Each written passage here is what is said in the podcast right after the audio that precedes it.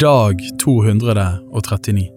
I dag får du høre bibeltekster fra Ordspråkene kapittel 21 vers 30 til 31. Ester kapittel 6 til 8. Lukas kapittel 21 vers 1 til 36. Salme 102 vers 24 til 29.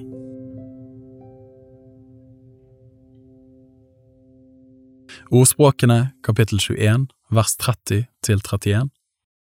Det finnes ingen visdom og ingen forstand og ingen planer som kan settes opp mot Herren. Hesten blir gjort ferdig til stridens dag, men seieren hører Herren til.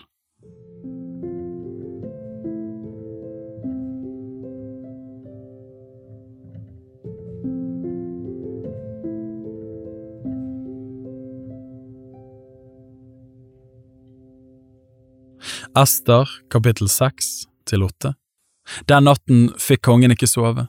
Han sa derfor at de skulle hente krønikeboken som de minneverdige hendinger var opptegnet i, og den ble opplest for kongen. Der fant de opptegnet at Mordekai hadde meldt fra om hvordan Biktane og Teresh, to av de hoffmennene hos kongen, hadde søkt å legge hånd på kong Ahasverus. Kongen spurte da, hva ære og opphøyelse er blitt Mordekai til del for dette? Kongens tjenere svarte, han har ikke fått noen ting. Da sa kongen, hvem er det som står ute i gården?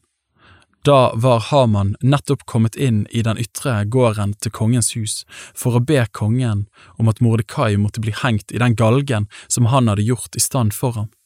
Kongens tjenere svarte, det er Haman som står der ute i gården. Kongen sa, la ham komme inn. Da når Haman kom inn, spurte kongen ham, hva skal en gjøre med den mannen som kongen gjerne vil ære? Da tenkte Haman ved seg selv, hvem skulle kongen heller vise ære enn meg? Og han sa til kongen, er det en mann kongen gjerne vil ære, så la det bli hentet en kongelig kledning som kongen selv har båret, og en hest som kongen selv har ridd på, og som har en kongelig krone på hodet. La så kledningen og hesten bli overgitt til en av kongens fornemste stormenn, og han skal la den mannen kongen har lyst til ære, få klærne på og la ham få ri på hesten gjennom byens gater mens de roper foran ham, slik blir det gjort med den mannen som kongen vil vise ære. Da sa kongen til Haman, skynd deg, Ta kledningen og hesten, som du har sagt, og gjør slik med jøden Mordekai, som sitter i kongens port, la ingenting bli forsømt av alt det du har sagt. Haman tok kledningen og hesten og lot Mordekai ta kledningen på seg og lot ham ri gjennom byens gater og ropte foran ham, slik blir det gjort med den mannen som kongen gjerne vil ære. Så vendte Mordekai tilbake til kongens port, men Haman skyndte seg hjem, sorgfull og med tildekket hode. Han fortalte sin kone Sheres og alle vennene sine alt det som hadde hendt ham. Da sa hans rådgivere og hans kone Sheres til ham, hvis Mordekai, som du har begynt å stå tilbake for, er av jødisk ett, da vil du ikke makte noe mot ham. Du kommer til å stå mer og mer tilbake for ham. Mens de ennå talte med ham, kom kongens hoffmenn for i all hast å føre Haman til det gjestebudet Ester hadde stelt til. Kapittel 7 Så kom da kongen og Haman til gjestebudet hos dronning Ester. Mens de satt og drakk vin, sa kongen også denne andre dagen til Ester, Hva er din bønn, dronning Ester? Du skal få det du ber om, og hva ditt ønske enn er, så skal det bli oppfylt, om det så var halvdel av riket. Da svarte dronning Ester, har jeg funnet nåde for dine øyne, konge, og synes det kongen godt, så la meg få beholde livet, det er min bønn, og la folket mitt få beholde livet, det er mitt ønske. For vi er solgt, både jeg og folket mitt, til å ødelegges, drepes utryddes. Var det ende bare til å være treller og trellekvinner vi var solgt, da hadde jeg til stille, for den ulykken ville ikke være stor nok til å bry kongen med. Da sa kong Asverus til dronning Ester, Hvem er han, og hvor er han som har dristet seg til å gjøre slikt? Ester svarte, En motstander og fiende, denne onde Haman der. Da ble Haman forferdet for kongens og dronningens øyne. Kongen reiste seg i harme, forlot gjestebudet og gikk ut i slottshagen. Men Haman ble tilbake for å be dronning Ester om sitt liv, for han skjønte at kongen hadde besluttet at det skulle gå ham ille. Da så kongen komme tilbake fra slottshagen til huset, hvor gjestebudet var blitt holdt, lå Haman bøyd over den benken som Ester satt på. Da sa kongen, tør han til og med øve vold mot dronningen her i mitt eget hus? Ikke før var dette ordet gått ut av kongens munn, før de dekket til Hamans ansikt. Harbona, en av hoffmennene hos kongen, sa, Se, ved Hamans hus står det allerede en galge, 50 al høy. Han har selv latt den gjøre i stand for Mordekai, han som med sine ord en gang var til så stort gagn for kongen. Da sa kongen, heng ham i den. Så hengte de Haman i den galgen han hadde gjort i stand for Mordekai, og kongens vrede la seg. Kapittel 8 Samme dag ga kong Asverus dronning Ester det huset som hadde tilhørt Haman, jødenes fiende, og Mordekai fikk komme inn for kongen, for Ester hadde fortalt hva han var for henne. Kongen trakk av signetringen sin, som han hadde tatt fra Haman, og ga den til Mordekai, og Ester satte Mordekai over Hamans hus. Ester vendte seg igjen til kongen, kastet seg ned for hans føtter og gråt og bønnfalte ham om å avverge Agagitten Hamans ondskap og den planen han hadde lagt mot jødene. Kongen rakte ut gullstaven mot Ester. Da reiste Ester seg opp og trådte fram for kongen, og hun sa, Synes det kongen godt, og har jeg funnet nåde for hans øyne, og synes det kongen å være rett, og er jeg ham til behag, så la det bli skrevet en ordre om å tilbakekalle de brevene som Agagitten Haman, Hamedatas sønn, pønsket ut og skrev for å få utryddet jødene i alle kongens landskaper. Hvordan skulle jeg kunne se på den ulykken som vil ramme folket mitt? Hvordan skulle jeg kunne se på at ætten min går til grunne?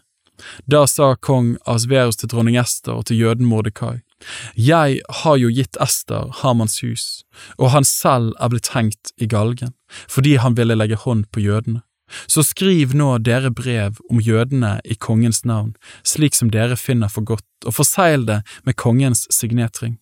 For en skrivelse som er utferdiget i kongens navn og forseglet med kongens signetring, kan ikke tilbakekalles. Så ble da straks kongens skrivere kalt sammen på den 23. dagen i den tredje måneden, det er måneden Sivan, og det ble skrevet nøyaktig som Mordekai bød, til jødene og til satrapene og landshøvdingene og fyrster i landet fra India like til Etiopia, 127 landskaper. Til hvert landskap ble det skrevet med dets skrifttegn og til hvert folk på dets språk, også til jødene med deres skrifttegn og på deres språk. Han skrev i kong Asverus navn og forseglet med kongens signetring. Så sendte han brevene av sted med ilbud som red på travere fra kongens egne staller. I brevene sto det at kongen ga jødene i hver by lov til å slå seg sammen og verge sitt liv og i hvert folk og landskap fikk de lov til å ødelegge, drepe og utrydde alle væpnede skarer som angrep dem, endog små barn og kvinner, og plyndre deres gods, alt på en og samme dag i alle kong Ahasverus landskaper, den trettende dagen i den tolvte måneden, det er måneden Adar. For at befalingen skulle bli kjent i hvert landskap, ble en avskrift av brevet kunngjort for alle jøder, så jødene kunne holde seg rede til den dagen og hevne seg på fiendene sine. På kongens befaling dro ilbudene, som red på kongelige travere, av sted i største hast så snart befalingen var utstedt i borgen Susan. Mordekai gikk ut fra kongen i kongelig kledning av blått, purpur og hvitt lin og med stor gullkrone og en kappe av hvitt lin og rødt purpur, og byen Susan jublet høyt og gledet seg. Hos jødene var det nå lys og glede og fryd og ære. I hvert eneste landskap og i hver eneste by, overalt hvor kongens ord og befaling nådde fram, ble det glede og fryd blant jødene med gjestebud og høytid. Og mange av folkene i landet ga seg ut for å være jøder, for frykt for jødene var falt på dem.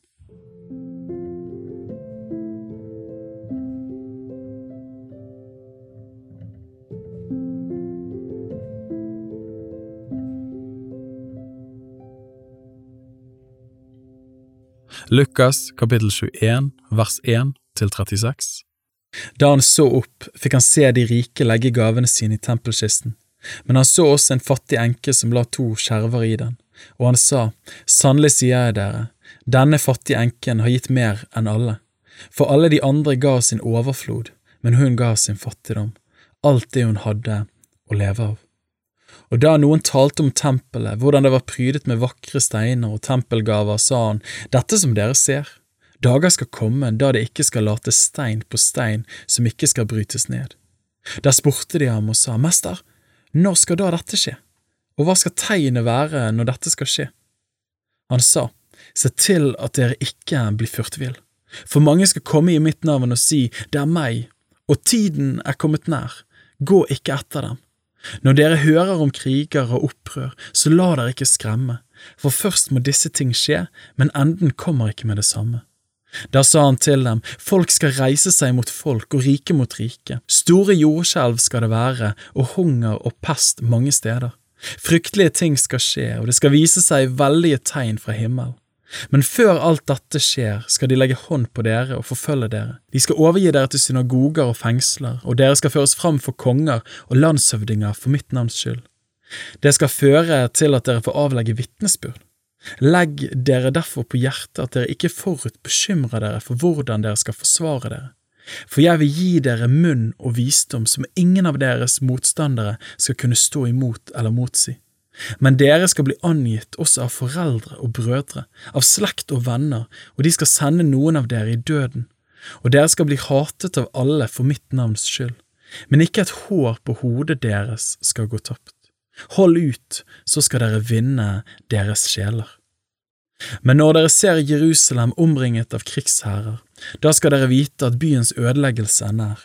Da må de som er i Judea flykte til fjells, de som er inne i byen må gå ut, og de som er ute på landet må ikke gå inn i byen, for dette er gjengjeldelsens dager, da alt det som står skrevet skal bli oppfylt. Stakkars dem som er med barn og dem som gir die i de dager, for stor nød skal det være på jorden og vrede over dette folket. De skal falle for sverdets egg og føres som fanger til alle folkeslag og Jerusalem skal ligge nedslått av hedninger inntil hedningefolkenes tider er til ende. Og det skal vise seg tegn i sol og måne og stjerner. Og på jorden skal folkene bli grepet av angst og fortvilelse når hav og brenninger bruser. Mennesker faller i avmakt av redsel og gru for det som skal komme over jorden, for himlenes krefter skal rokkes. Da skal de se Menneskesønnen komme i skyen med kraft og stor herlighet. Men når dette begynner å skje, da rett dere opp og løft hodet, for deres forløsning stunder til. Og han sa en lignelse til dem, se på fikentreet og alle trær. Så snart de springer ut og dere ser det, da vet dere av dere selv at sommeren er nær. Slik skal dere også, når dere ser disse ting skje, vite at Guds rike er nær. Sannelig sier jeg dere, denne slekt skal slett ikke få gå før det er skjedd alt sammen. Himmel og jord skal forgå, men mine ord skal slett ikke forgå.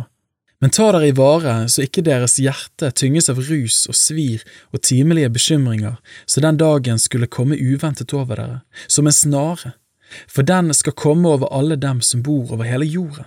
Men våk hver tid og stund, og be at dere må bli aktet verdige til å unnfly alt dette som skal komme, og til å bli stående for menneskesønnen.